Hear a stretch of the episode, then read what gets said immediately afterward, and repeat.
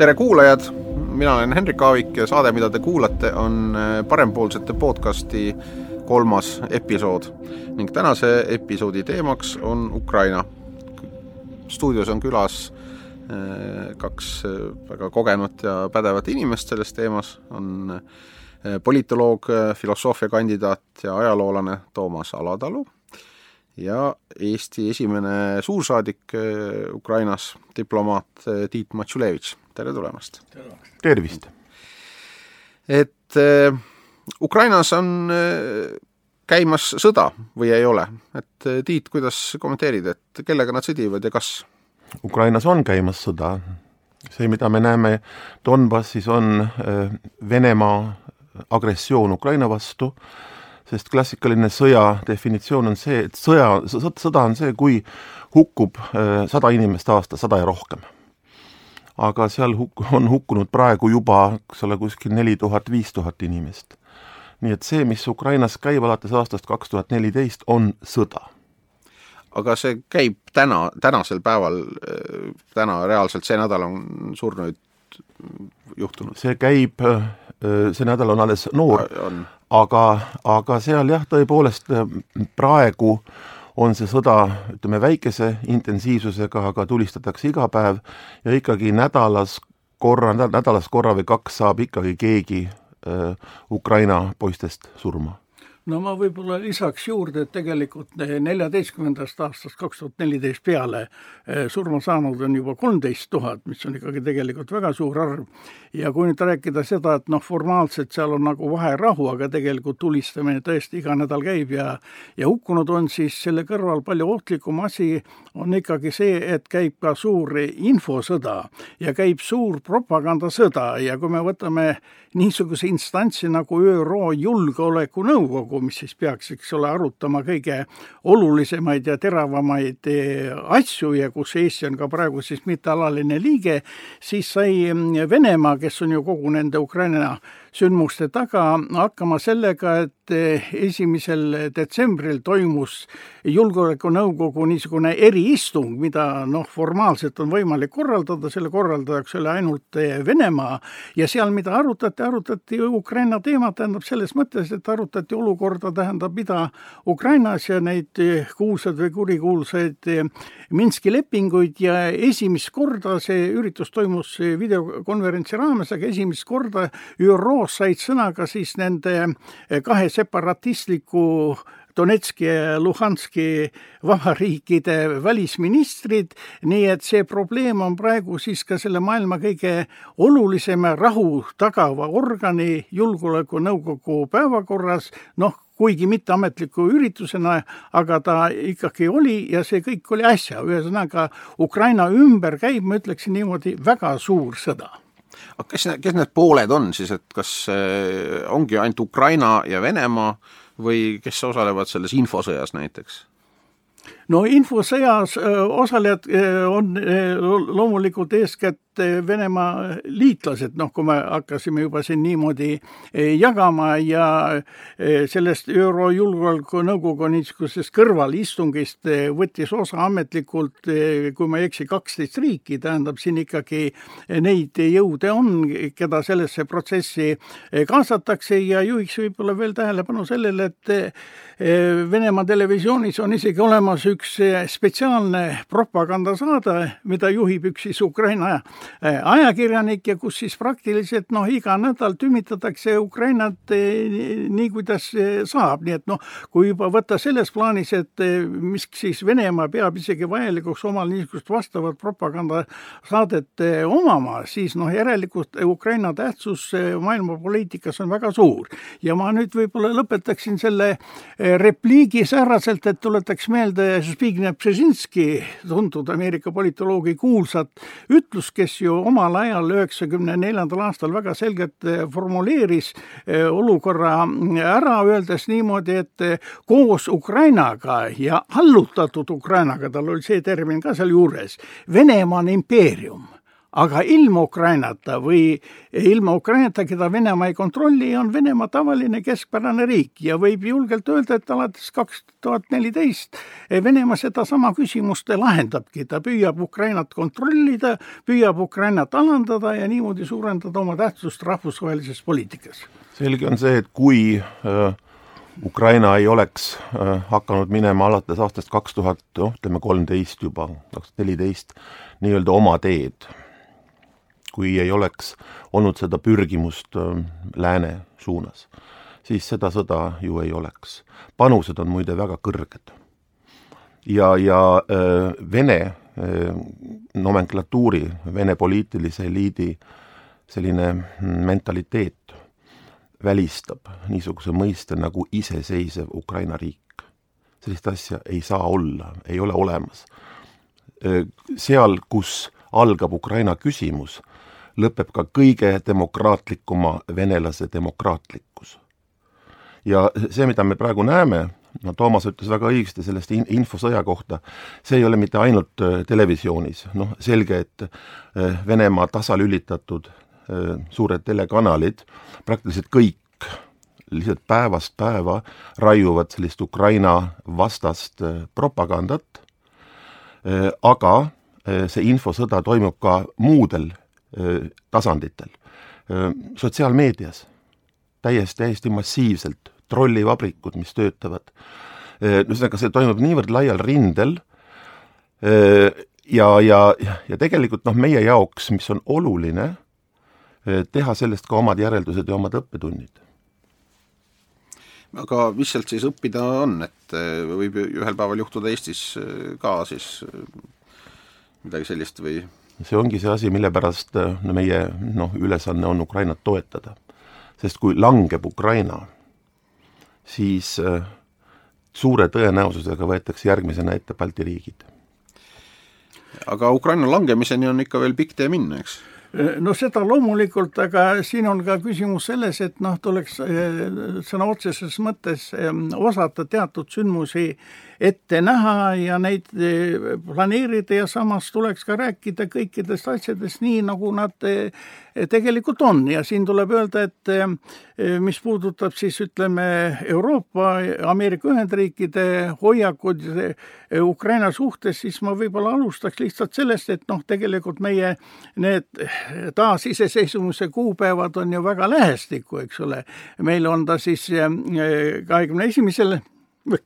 kahekümnendal augustil ja nendel on ta siis kahekümne neljandal augustil, aga kui me nüüd räägime näiteks Ameerika Ühendriikide suhtumisest, siis vastavalt Eesti ja, ja Äh, Ukraina iseseisvusdeklaratsioonidele, siis meie saime selle praktiliselt kohe kätte või õigemini noh, taastates ja vana kehtinud seis. Ja samas Ukraina pidi ootama siis detsembrini tuhat üheksasada üheksakümmend üks. Ja äh, ma ainult tuletaks meelde, et Ameerika tollane riigisekretär Baker tollal liikus niisugusel marsruudil, mis oli siis Biškek, mis on Kirgiisia pealinn, äh, Almatõ, mis tollal oli siis Kasahstani pealinn, siis Minsk eks ole, Valgevene pealinn ja viimasena siis oli Ukraina ja Ukraina iseseisvust Ameerika Ühendriigid tunnustasid alles detsembris tuhat üheksasada üheksakümmend üks, see on siis pärast seda, kui oli juba tegelikult noh, Nõukogude Liit teatud mõttes taastatud, kui silmas pidada seda suveräänsete riikide ühenduse loomist ja seda kuulsat Jeltsini, Kravtšuki ja kes see kolmas mees oli, avaldust, ja avaldust selle riigi riigi loomise kohta, nii et siin lääne niisugune üldine suhtumine oli ääretult eh, ettevaatlik. Ja see määras ka siis kogu selle järgneva protsessi, sest loomulikult ukrainlased ka ju tunnetasid, et neid nagu päriselt ei, ei usaldata ja nad peavad midagi veel täiendavalt tegema. Ja see määras ka ära siis selle esimeste reformide niisuguse suhtelise aegluse, eks ole, me saime tunnustuse kohe kätte ja me sellest nii-öelda innustatuna läksime kohe prauhti edasi, nendel see asi võttis aega ja siis kogu see protsess hakkaski noh, sõna otseses mõttes algusest peale venima. Ja vaat siis sündisid niisugused lepingud, peaküsimuseks oli loomulikult selles see, et Nõukogude Liit oli ikkagi ju tuumariik ja tema tuumapotentsiaal asus mitte ainult siis ütleme Venemaa territooriumile, vaid seda oli ka Ukrainas, Valgevenes, oli Kasahstanis. Ja nüüd oli vaja siis lääneriikidel selgust selles mõttes, et kes nüüd ikkagi siis selle potentsiaali eest lõpuks vastutab. Ja siis sündiski kõigepealt siis see üheksakümne neljanda aasta leping, mille alusel siis Ukraina loobus oma tuumarelvast, tähendab selle varud viidi siis üle, ütleme Venemaa territooriumile ja samas anti talle nagu garantii ka siis selle territoriaalse eh, terviklikkuse osas, eh, mis nüüd nagu hiljem selgus, eh, enam ei kehtinud, kui Venemaa niisuguse aktsiooni kahe tuhande neljateistkümnendal aastal ette võttis. Ja samas tuletaks jälle meelde ka võib-olla seda, et noh, see ei olnud tegelikult Venemaa poolt esimene taoline käik, sest sellele ikkagi eelnesid juba sündmused Gruusias ja vot see ongi see moment, kus ma ütlen, et tuleb ikkagi nagu öeldakse, silmad lahti hoida ja kogu pilti silmade ees hoida, sest kui ikkagi Venemaa juba kahe tuhande seitsmendal aastal kuulutas Putini isikus välja soovi taastada vana siis niisugune vägevus ja võimsus ja alustati siis nende omaaegsete territooriumite üle kontrolli kehtestamist, siis oli selge, et no varem või hiljem see puudutab tegelikult ka Ukrainat. Ja siin oli jällegi siis noh, niisugune möödalaskmise moment, tooksin ainult ühe detaili neljateistkümnendal aastal, kaheksateistkümnendal märtsil toimus Krimmis suur niinimetatud eh, rahvahääletus, noh, nii nagu Balti riikides neljakümnendal aastal. Ja üheksateistkümnendal märtsil Putin veel täiesti rahulikult rääkis sellest, et ega Vene vägesid Ukrainas või Krimmis ei ole. Et seal on ainult see eh, kohalik rahva omakaitsevägi. Ja siis läks veel kaks kuud ja Venemaal kehtestati orden Asvabestenia Krõma, kus on siis selgelt kuupäevad peal ja esimene kuupäev seal on kahekümnes veebruar kaks tuhat neliteist, nii et tagantjärgi ametlikult tunnustati, et väed olid ammu sees, aga Lääs isegi rahulikult seedis sedasama asja, et noh, Putin võis rääkida eh, mitte tõtt, et noh, mitte öelda, kasutada seda sõna, eh, seda sõna vale. nii et siin on palju niisugusi asju, mis on siis nagu ütleme, kokku kuhjunud ja kogu selles protsessis, nii nagu suurte asjadega maailmas ikka, mängus on ju väga suure riigi saatus, noh, niisugust hämamist ja ebaselgust on väga palju ja samas on ka selge, et kiireid otsuseid seal sündida ei saa. suur poliitika kahjuks käib ka suurtes kohtades väga aeglaselt jah, mis puudutab Krimmi äravõtmist, vot see on ka klassikaline näide, mismoodi toimub see hüb-, hübriidsõda. mitte ainult need rohelised mehikesed, need eraldusmärkideta eh, relvastatud, eks ole, eriväljaõppega sõdurid, vaid ka eh, tohutu eh, armee infotöötajaid. hiljem on saanud kolm tuhat Vene noh, infotöötajad, muidugi neid ei saa nimetada ajakirjanikeks, eks ole, kolm tuhat Vene infotöötajat said Krimmis erinevatel tasanditel läbi viidud infooperatsioonide eest äh, autasu Putinilt, kolm tuhat. no me eeldame, et kõiki ei saanud, eks ole, et et kokku oli neid siis üheksa tuhat ja, ja paremat kolmandik said siis autasud no ma arvan, et Putin oli selle koha pealt üsna helde, et see oli selle, see, see oli see hetk, eks ole, mis, mis tõepoolest, kui me vaatame neid, neid kaadreid, neid teleülekandeid, see oli noh, mingi tohutu selline vaimustus ja ja, ja noh, see on klassikaline eh, definitsioon, et et kui riigis hakkavad asjad kuidagi nagu hapuks minema, et siis on vaja niisugust lühikest eh, edukat sõda, et tõsta, tõsta meeleolu ja konsolideerida rahvast, mida, mis sel hetkel, kaks tuhat neliteist ka Putinil ju õnnestus. no ma võib-olla, siin oli küsimus, et mis on meil sealt õppida, siis ma ütleks, et Ukraina on ju tegelikult meilt ka õppinud ja näiteks seesama Rahvarinne ja ja mis siit veel meelde tuletada, algusest olid need ehm, kõigi tasandite saadikute nõukogud, mida siis Nugis võttis kokku linnahallis ja, ja mille otsust ikka noh, läänemaailm tegelikult aktsepteeris. aga poliitika näitab seda, et ka vastaspool võib sellesama vormi kasutusele võtta ja siin ma tahaksingi võib-olla juhtida tähelepanu ühele niisugusele huvitavale detailile, et kui me hakkame rääkima sellest, juba siin kõlas see Euromaidani teema, kus siis Ukrainal oli nagu oluline teha otsus, et kas ta läheb siis Euroopa Liidu suunas või pöördub ta siis ütleme näoga ikkagi Venemaa poole. Ja siis veebruaris kaks tuhat neliteist toimusid Kiievis need tuntud eh, läbirääkimised, kus siis eh, Janukovitš, tollane president, oli nõus siis eh, opositsiooniga kokkulepet tegema, see kuupäev oli kakskümmend üks veebruar. Ja selle kohtumise tunnistajaks olid siis Prantsusmaa, Poola ja Saksa välisministrid, no Saksamaa poolt tuntud mees eh, Steinmeier, kes on praegu siis president Poolast, oli siis eh, eh, ka meie jaoks tuntud mees, aga Prantsusmaad esindas siis ministri asetäitjaga, mis kõige huvitavam ja oluline on tegelikult, et nendest läbirääkimistest võttis osa ka Venemaa presidendi esindaja Vladimir Lukin ja ta oli seal läbirääkimiste laua taga kuni lõpuni ja tehti ka siis see läbirääkimiste dokument valmis. aga sellele Lukin enam alla ei kirjutanud nii et noh, tavaliselt käib praegu jutt niimoodi, et no need, eks ole, need lääne poliitikud, et nad ainult siis eh, aitasid kaasa selle lepingu sündimisele ja siis lasid ukrainlastel teha, mida ta tahtis. tegelikult kordan seal kohapeal ja nendest kõnelustest võttis osa ka Venemaa esindaja, see oli ikkagi siis nagu öeldakse, ühislooming, ainult viimasel hetkel siis jäeti see allkiri kirjutamata. ja samas, eh, mis eh, on veel tähtsam, on see, et sel ajal, kui need kõnelused Kiievis toimusid, olid, võeti Harkovis kokku kõigi siis ütleme Moskva-meelsete eh, ülemnõukogu või ülemraada ja siis kohalike võimuorganite saadikud, need olid need kolm tuhat nelisada seitsekümmend seitse saadikut, kes siis kahekümne teisel veebruaril kuulutasid, et nemad neid otsuseid ei tunnusta ja nemad alustavad siis seda Ukraina vabastamise protsessi. Ja kuna parasjagu käis see suur, suures isamaasõjas saavutatud võidukampaania, siis ka uhkelt öeldi, et vot me oleme see siis ukrainski front, no nii nagu teise maailmasõja ajal neid mitu oli, ja meie vastas seisab siis see Evropeiski front. Ja vot nii tegelikult toimusid need veebruarikuu sündmused kaks tuhat neliteist Ukrainas, nii et kordan, seal osavõtjate ring oli tegelikult oluliselt laiem. Venemaa oli ise kohal, aga siis ta viimasel hetkel loobus ja kasutati siis seal sedasama kõigi tasandite saadikute mm, eh, avalduse võtet, mida siis me Eestis omal ajal tuhat üheksasada üheksakümmend kasutasime selleks, et iseseisvaks saada, aga seal oli selle otsuse mõte, et Ukraina jääks siis tervikuna ikkagi Venemaa mõjusfääri. no aga nüüd on kuus aastat mööda läinud, Putin ei jää ka päevagi nooremaks praegu, vaid ikka pigem vanemaks, nagu me kõik ja ja, ja iga, iga päev võib-olla keegi surma ei saa, et see, et, et iga päevaga muutub Ukrainas ilmselt eh, rahvuslus tugevamaks, ukraina keel populaarsemaks, eh, Ukraina eh, inimesed reisivad, neid on Eesti tööstuses palju näha, et, et kas see sõda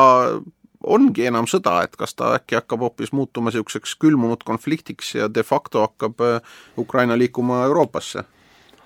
no Ukraina ju liigub, noh küll väikeste sammudega, aga liigub Euroopasse, võtame kas või selle, et on sõlmitud ähm, eks ole, vabakaubandusleping või assotsiatsioonileping, ütleme nii, et jah, õigemini jah, assotsiatsioonileping Euroopa Liiduga, eks ole, juba mitu aastat tagasi, on viisavabadus Ukraina ja Euroopa Liidu vahel ähm, biomeetriliste passide omanikele ja nii edasi, neid samme on tehtud. nii et äh, jah, aga, aga samal, samal ajal ütleme nii, et no mis on Ukraina jaoks probleem, millest ka Toomas alguses, eks ole, ütles, et mm, et miks äh, ei ole lääneriigid olnud no nii, nii väga nobedad või väga kindlad Ukraina toetamises, miks ollakse väga kõhklevad, miks näiteks mm, ka Euroopa Liidu mm, dokumendid, Ukraina-suunalised, on, väldivad kas või komakohaga selle mainimist, et Ukrainal võiks olla kunagi täisliikmelisuse staatus Euroopa Liidus. Siis, kui toimusid selle assotsiatsioonilepingu läbirääkimised, need vältasid umbes kolm aastat, siis olid mitu Euroopa Liidu juhtriiki eesotsas Saksamaaga, kelle diplomaadid Berliinist tulnud juhiste alusel loomulikult jälgisid, no ütleksin piinliku hoolega kümme korda iga sõna selles lepingus, et sealt ei annaks välja lugeda võimalikku täisliikmelisust äh, Euroopa Liidus. aga see selleks, äh, üheksakümne esimesel aastal, kui Ukraina siis äh, sai formaalselt iseseisvaks, siis see oli tõepoolest noh, nende endi jaoks oli see ka ootamatus, nad ei olnud selleks valmis. Ja, ja mida ma tahan öelda, tänapäeval, tänapäevanigi on Ukrainas siiski märkimisväärne hulk inimesi, kes ei ole aru saanud, milleks see Ukraina omariiklus üldse hea on, milleks ta eksisteerib. siiamaani on märkimisväärne hulk ukrainlasi, kes ikkagi samastavad ennast äh, Suure Venemaaga. ja, ja, ja, ja, ja tegelikult peaks, ilmselt peaks kunagi äh, noh, siis kui me, kui me juba no vaatame, vaatame, eks ole, kunagi hiljem neid, neid sündmusi, võib-olla peaks isegi Putinile panema kuskile Kiievisse ausamba selle eest, et võrreldes üheksakümne kuuenda aastaga, kui näiteks mina alustasin oma tööd Kiievis, oli Kiiev ju noh, sisuliselt oli ta venekeelne linn. täna on Kiiev ukrainakeelne linn. on, on täiesti in rääkida ukraina keelt, toona sa läksid kuskile poodi või, või mingisse teenindusasutusse ja sinuga hakati rääkima noh, vene keeles, mina üritasin purssida oma noh, toona viletsat ukraina keelt. ja, ja, ja vastati, eks ole, kohe vene keeles, nad ei aidanud, eks ole, need, isegi need, kes oskasid ukraina keelt. täna sa lähed kuskile, eks ole, kontorisse, sinuga räägitakse ukraina keelt. toona oli ju niimoodi, et kuigi valitsusasutuste kirjavahetused, valitsusasutuste dokumendid pidid olema ukrainakeelsed, siis suuline kommunikatsioon näiteks presidendi administratsioonis või ministeeriumides toimus ikkagi vene keeles. paljudes Ukraina saatkondades sisemiseks töökeeleks oli ikkagi vene keel. üheksakümne esimesest aastast peaaegu seal aasta kuni poolteist no iseseisva riigi, iseseisva Ukraina riigi ministrid helistasid ikka veel Moskvasse et küsida, mida me nüüd teeme selle ministeeriumi juhtimisel. selle, see, see toimub, see on, see on väga aeglaselt toimunud, ega Ukraina mm, probleem, miks Ukraina on, see on noh, päris tõsine probleem, miks Ukraina on eh, täna selline, nagu ta on, erinevalt Eestist, eks ole, kuhu Eesti on jõudnud, eh, on see identiteet, enesemääratlus. Nendel on olnud palju suuremad raskused enese Äh, määratlemisega, kuhu me kuulume, milleks meile see riiklus? No aga see on ka mõistetav nagu selles mõttes, et kui Euroopa Liit piinlikult jälgib, et mitte anda sõnumeid, nagu nad võiksid pääseda päris Euroopasse või Euroopa Liitu, äh, ja, ja Venemaa kogu aeg ütleb, et äh, tulge meile, meil on küpsiseid ja kõike, mis te ainult tahate, siis, siis tekibki küsimus, et et kas nad tahavadki lihtsalt kapselduda sõjas olevaks külmutatud konfliktiga riigiks või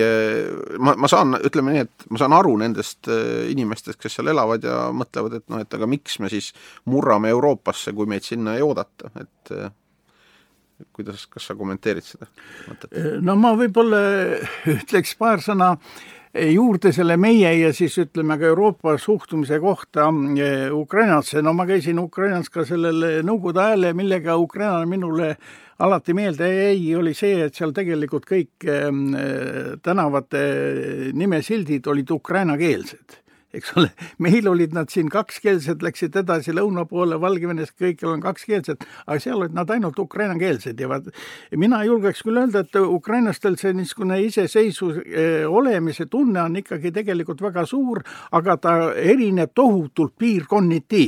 ja see ongi Ukraina üks, ütleme, üks suuremaid probleeme, et kuna teda on ajaloos väga palju jagatud erinevateks seal kubermangudeks ja, ja ka riikide vahel, siis eh, selles niisugust ühist identiteeti identiteeti on seal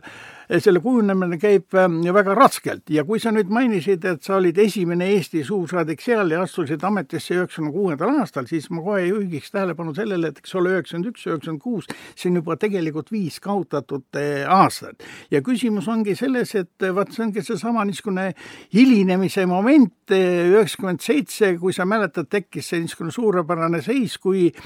oli see NATO laienemine ja siis ka president Meri algatusel Tallinnas võeti võeti kokku viis presidenti, Eesti, Läti, Leedu, eh, Ukraina ja Poola. ja Poola ja see niisugune viik käis ja viisik käis koos, isegi võeti Soome juurde kuni kahe tuhande esimese aastani, oli niisugune huvitav periood, kus see koostöö oli ääretult tugev. ja miks ma seda koostööd ka hakkasin äh, rääkima, noh, ma ise olin tollal Balti Assamblees ja ma siiani mäletan, kuidas Ukraina veel üheksakümne viiendal aastal, kui Arnold Rüütel sai siis selle Balti Assamblee juhiks ja siis nagu need vanad sidemed hakkasid tööle ja tuli sealtpoolt palve Balti Assambleele luua siis sidemed, kutsuda ka siis Ukraina ülemraada delegatsioon kohale. Ja mida nad eriti palusid, oli see, et õpetage meile juhtimist ja, ja eetikat tähendab, kuidas käituda ja vot kui me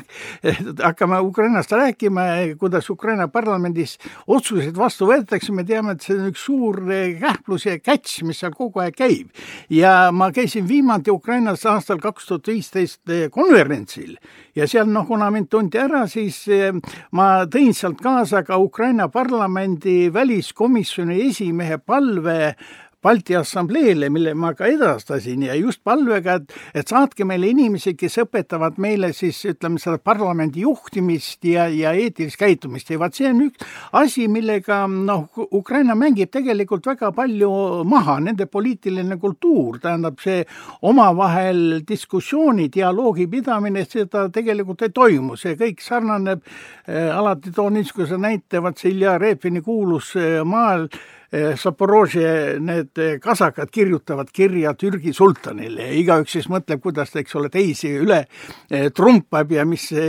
roppusi või rumalusi ta sinna juurde paneb. vaat eh, see on jäänud neil paljus paraku just niisugusel tasemele ja nad nagu siiani ei taha mõista, mida muide mõistis Venemaa Riigiduuma, sest Venemaa Riigiduumas üheksakümnendatel käis ju täpselt sama asi aga nemad on selle lõpetanud. aga ukrainlased ei ole lõpetanud ja Ukraina häda meiega võrreldes on selles, et eh,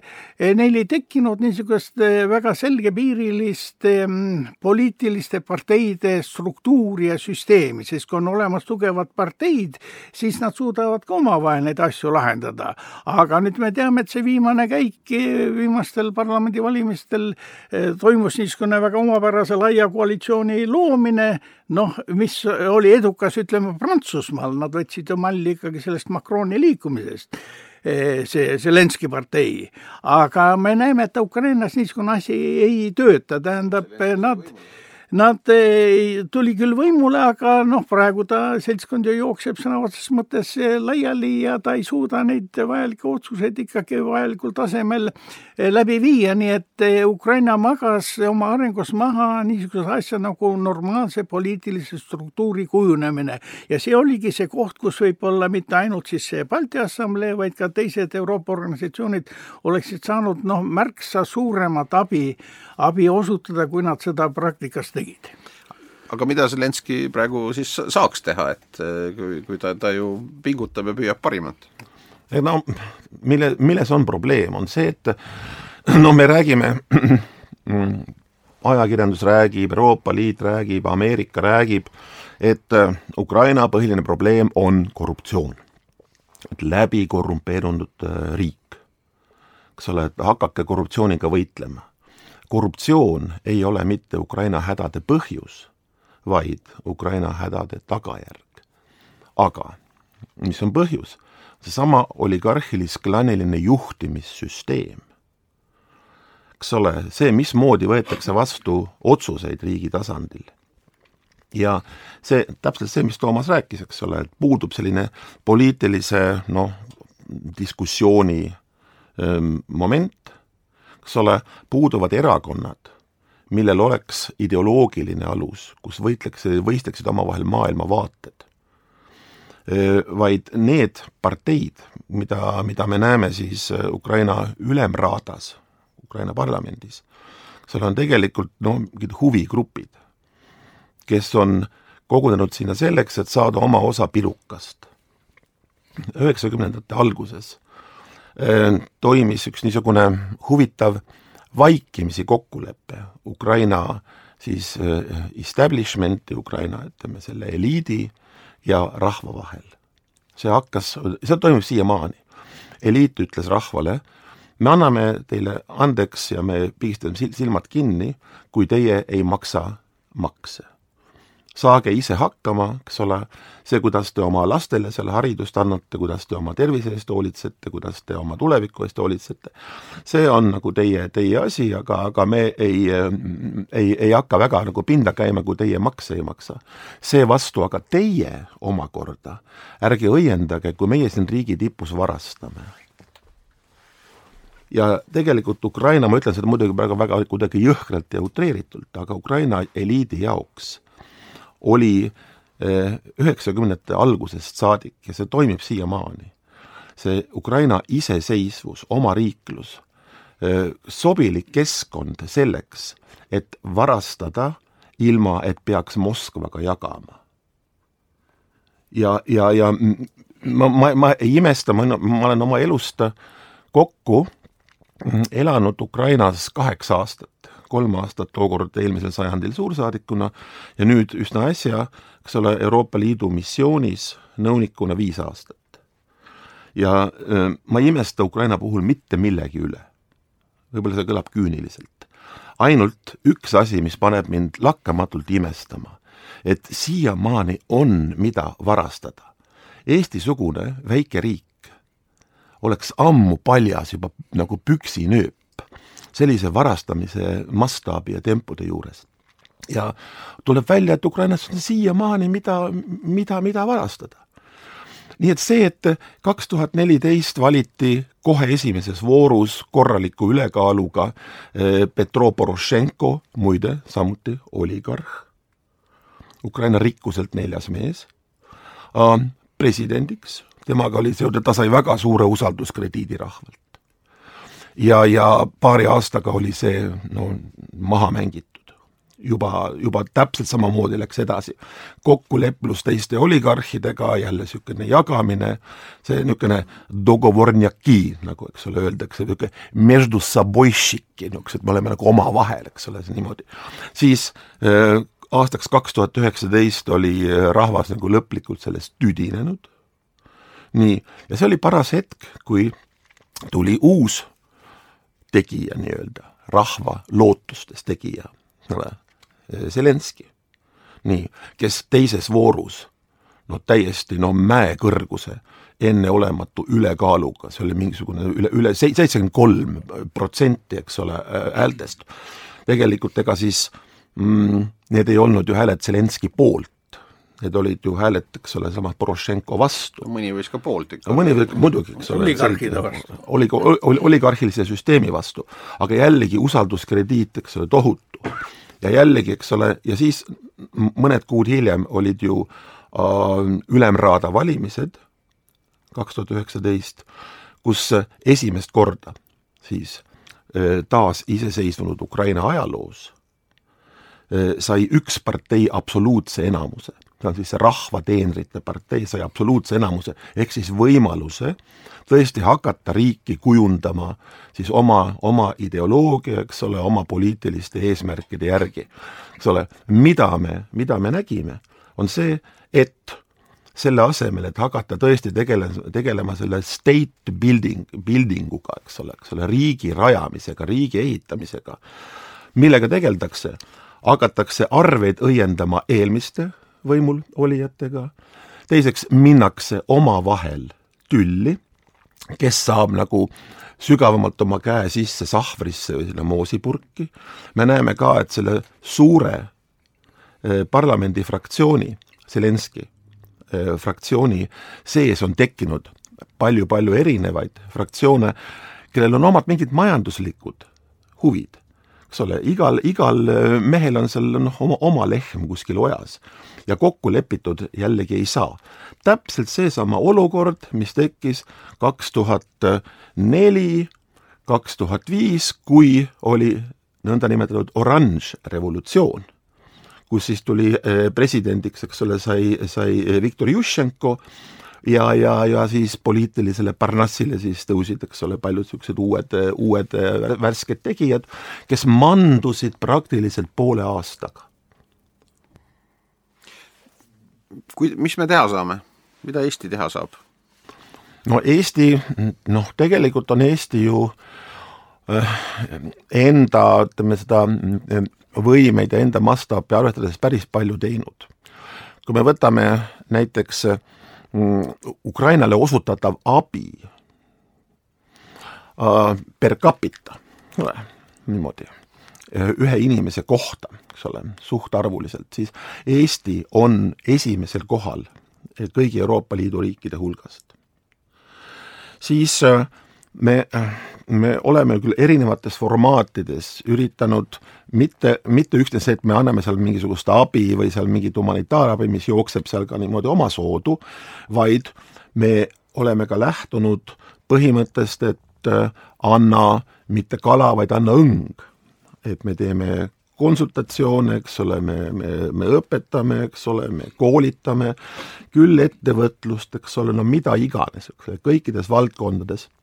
mida, mida, mida, kus me nagu tunneme, et me, et meil on mingisugune kogemus, millest võiks kasu olla. sest no Eesti kogemuse kopeerimine üks-ühene no ei ole mõeldav. põhimõtteliselt noh, see, see, see oleks ka absurdne, seda, see, sellest ei tule midagi.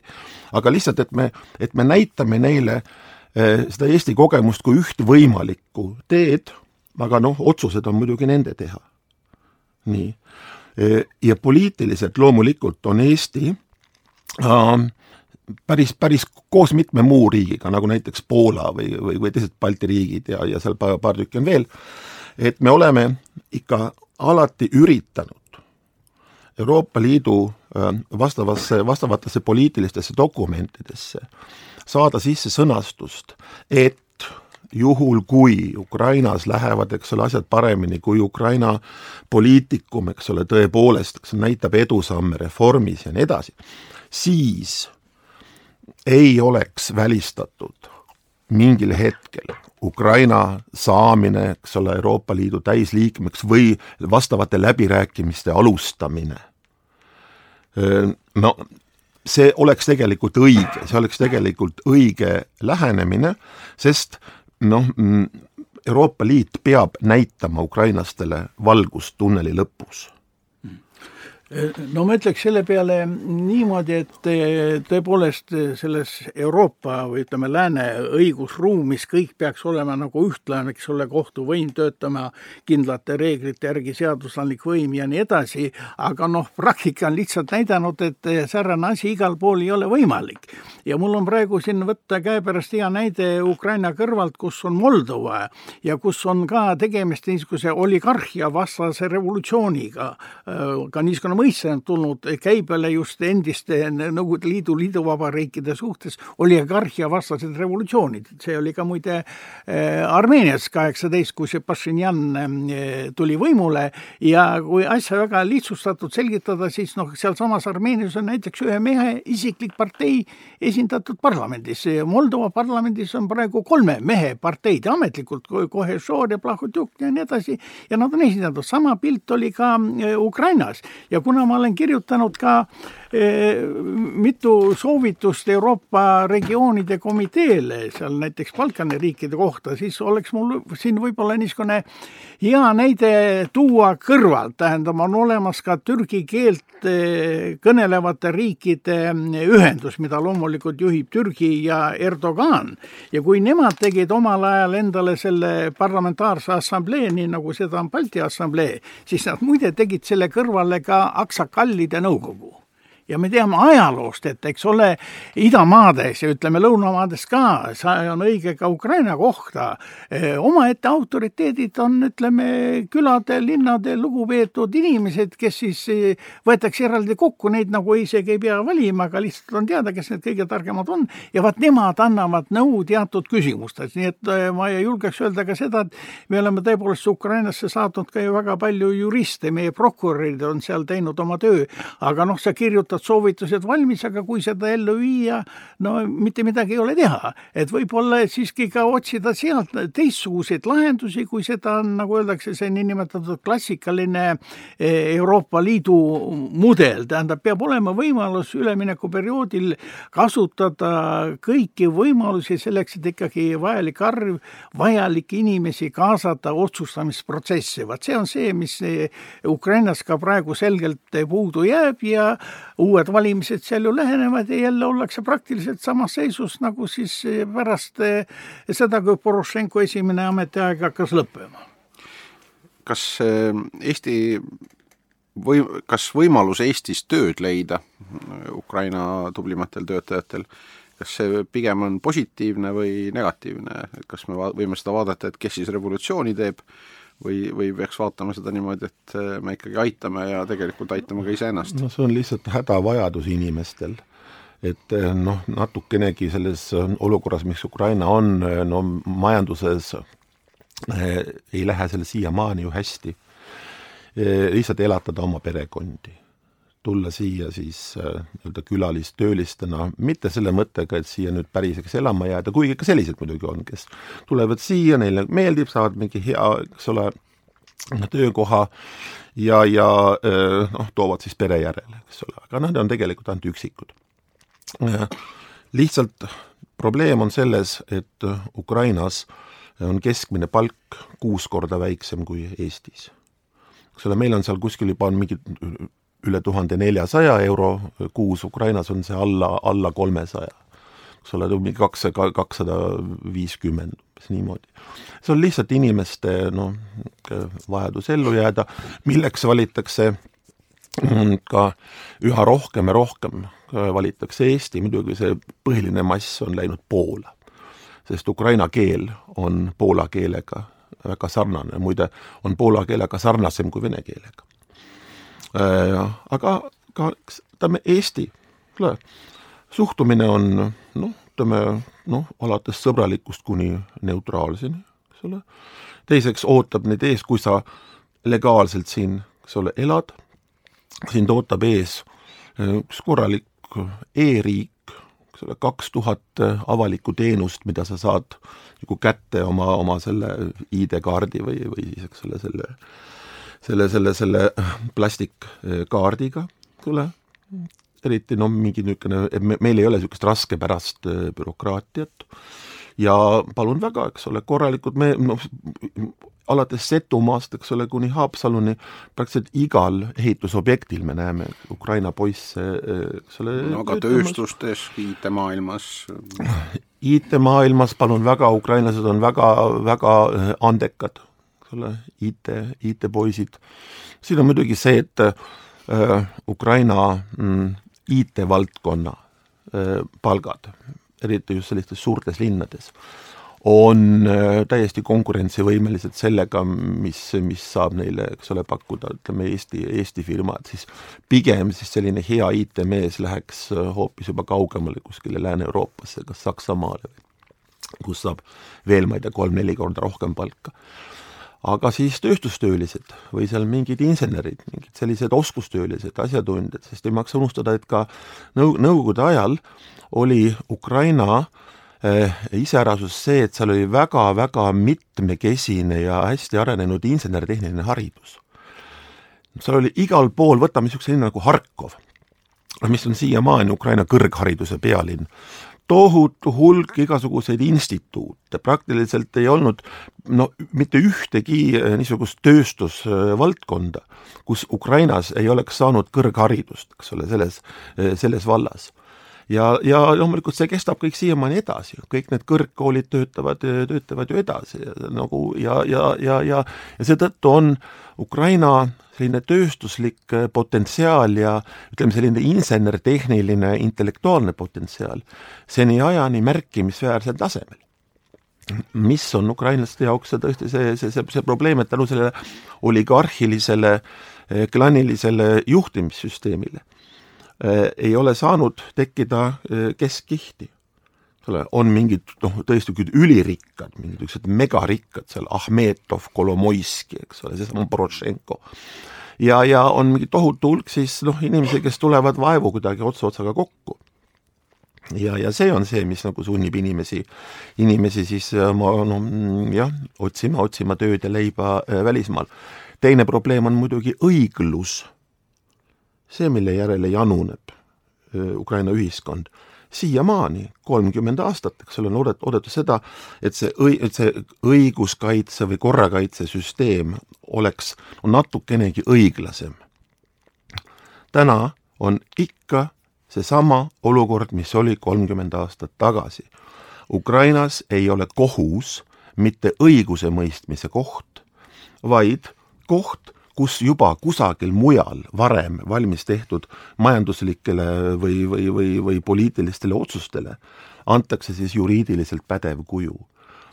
ja inimesed no kiviteerivad seda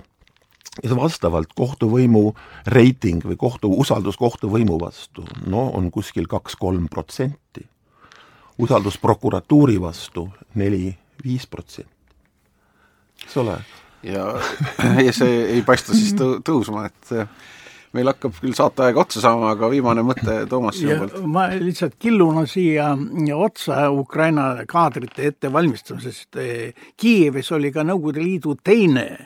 rahvusvaheliste suhete ülikool. Ja kui hakata nüüd mõtlema niimoodi, et öeldakse, noh, Ukraina riiki nagu ei olnud, no mille pärast nad siis pidid omale seal kohapeal diplomaate koolitama. aga mis puudutab sellesse tööjõusse, siis mul on siin natukene kriitiline lähenemine selles mõttes ja kui siin nüüd algasid need Valgevene sündmused, siis ka hakkasime me nagu kutsuma, et noh, tulge sealt ära, aga kerkib ju loogiline küsimus, et aga kes siis seal seda revolutsiooni teeb ja kui me toome ka Ukrainast need kõige paremad kaadrid ära, kes seal siis ikkagi selle riigi üles ehitab, nii et noh, nende üleskutsete suhtes seda muidugi mugav ja hea teha, aga tuleb natukene mõelda ka laiemalt ja ikkagi iga tõelise patrioodi ja siin ma ikkagi alati viitan ka Porošenko isikule, tal tõesti, ta oli oligarh, aga ka oligarh, kes läks julgelt oma rahvast teenima, ta pani ju ise ka oma raha mängu selleks, et noh, kõigepealt valimised võita ja teatud reformid läbi viia, nii et noh, patrioodid peavad ikkagi eeskätt tegutsema omaenda maal ja saavutama seal oma rahva elujärje tõstmise ja tema suureks teeneks muidugi oli see, et ta pani väga suurt rõhku armee arendamisele. ja täiesti läbi korrumpeerunud, niisugune alla käinud Ukraina armee, mis oli, mis oli aastal kaks tuhat neliteist kui siis algas Venemaa agressioon Donbassis, siis äh, esimesed kuud olid ju see põhiliselt need, need poisid, kes seal rindel noh, vastu hakkasid ja vastu madistasid, tõesti selle, selle Putini jaoks ka selle niisuguse ootamatu olukorra tekitasid, et ukrainlastel on võimekus vastu hakata suurte kaotuste hinnaga, küll paraku, aga need olid vabatahtlikud. Ja, ja, ja siis alles, eks ole, hakkas, hakkas kuidagi nagu koonduma see, see Ukraina, see päris, see oma niisugune, see regulaararmee, see rahvuslik armee, siis hakati integreerima juba neid vabatahtlikke rühmi, eks ole, sellesse, sellesse regulaararmeesse, ja nüüd on Ukrainal täiesti korralik noh, enam-vähem ka hästi varustatud võitlusvõimeline armee. Ja see on, vaata see, see ongi see huvitav asi, et kaks tuhat neliteist, kui, kui algas äh, Putini invasioon siis äh, Donbassi, siis kaks suurt viga, mis Putin tegi, oli see, et ta alahindas ukrainlaste võimekust või võimet vastu hakata, sõjalist võimekust ennekõike, ja ta ülehindas äh, kohaliku elanikkonna venemeelsust tuli välja, et äh, no selge, et Luganski ja äh, Donetski oblastis kahtlemata on suur-suur hulk rahvast, on, on venemeelsed ja venekeelsed. aga siiski mitte nii suur hulk. kusjuures, mis on veelgi huvitavam, rindele sõdima venelaste vastu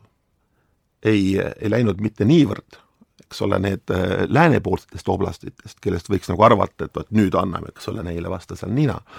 vaid kõige suurem hulk neid, kes vabatahtlikult äh, on läinud rindele, on just nimelt mm, nendest oblastitest, mis on ida poole, jäävad ida poole Dnepri jõge. See on siis äh, Dnepropetrovski oblast, Harkovi oblast, Zaporoži oblast. no need oblastid, mis nägid kõige, kõige lähemalt, kui ta, et mis võimu alla nad kohe langevad, kui nad võitlema ei hakka jah, nii et, nii et see ja nüüd, nüüd noh, vot see, see olukord on, eks ole, tegelikult on muidugi meil, meil kaasus belli, mida Vene ametlik propaganda loomulikult äh, üritab näidata kui kodusõda. no see ei ole kodusõda, see on Vene agressioon iseseisva Ukraina riigi vastu no ilmselt ka Ukrainas ja läänemaailmas keegi ei võta seda kodusõjana, et see ainult Venemaal vist nii arvataksegi, ma arvan. Aga meie aeg, saateaeg on läbi, võtame sellega tänase saate kokku, oli väga huvitav, kuidas Ukrainas on, ma võtsin siit endale nagu niisuguse mõtte koju, et, et tuleb anda riigile lootust selleks, et riigis oleks lootust, et kui, kui Euroopa Liit väldib lootuse andmist, siis ei saa ka eeldada, et, et Ukraina ühel hetkel ei, ei anna alla ja kui Venemaa muutub kenamaks, oletame, et ühel päeval Putin läheb võimult ära, et siis, siis nad löövadki käega ja, ja oled, vaata ma viskan selle mõtte õhku ja loodan, et see nii ei lähe. ja siis äh, aitäh, Toomas Allatalu ja Tiit Matšulevitš huvitava saate eest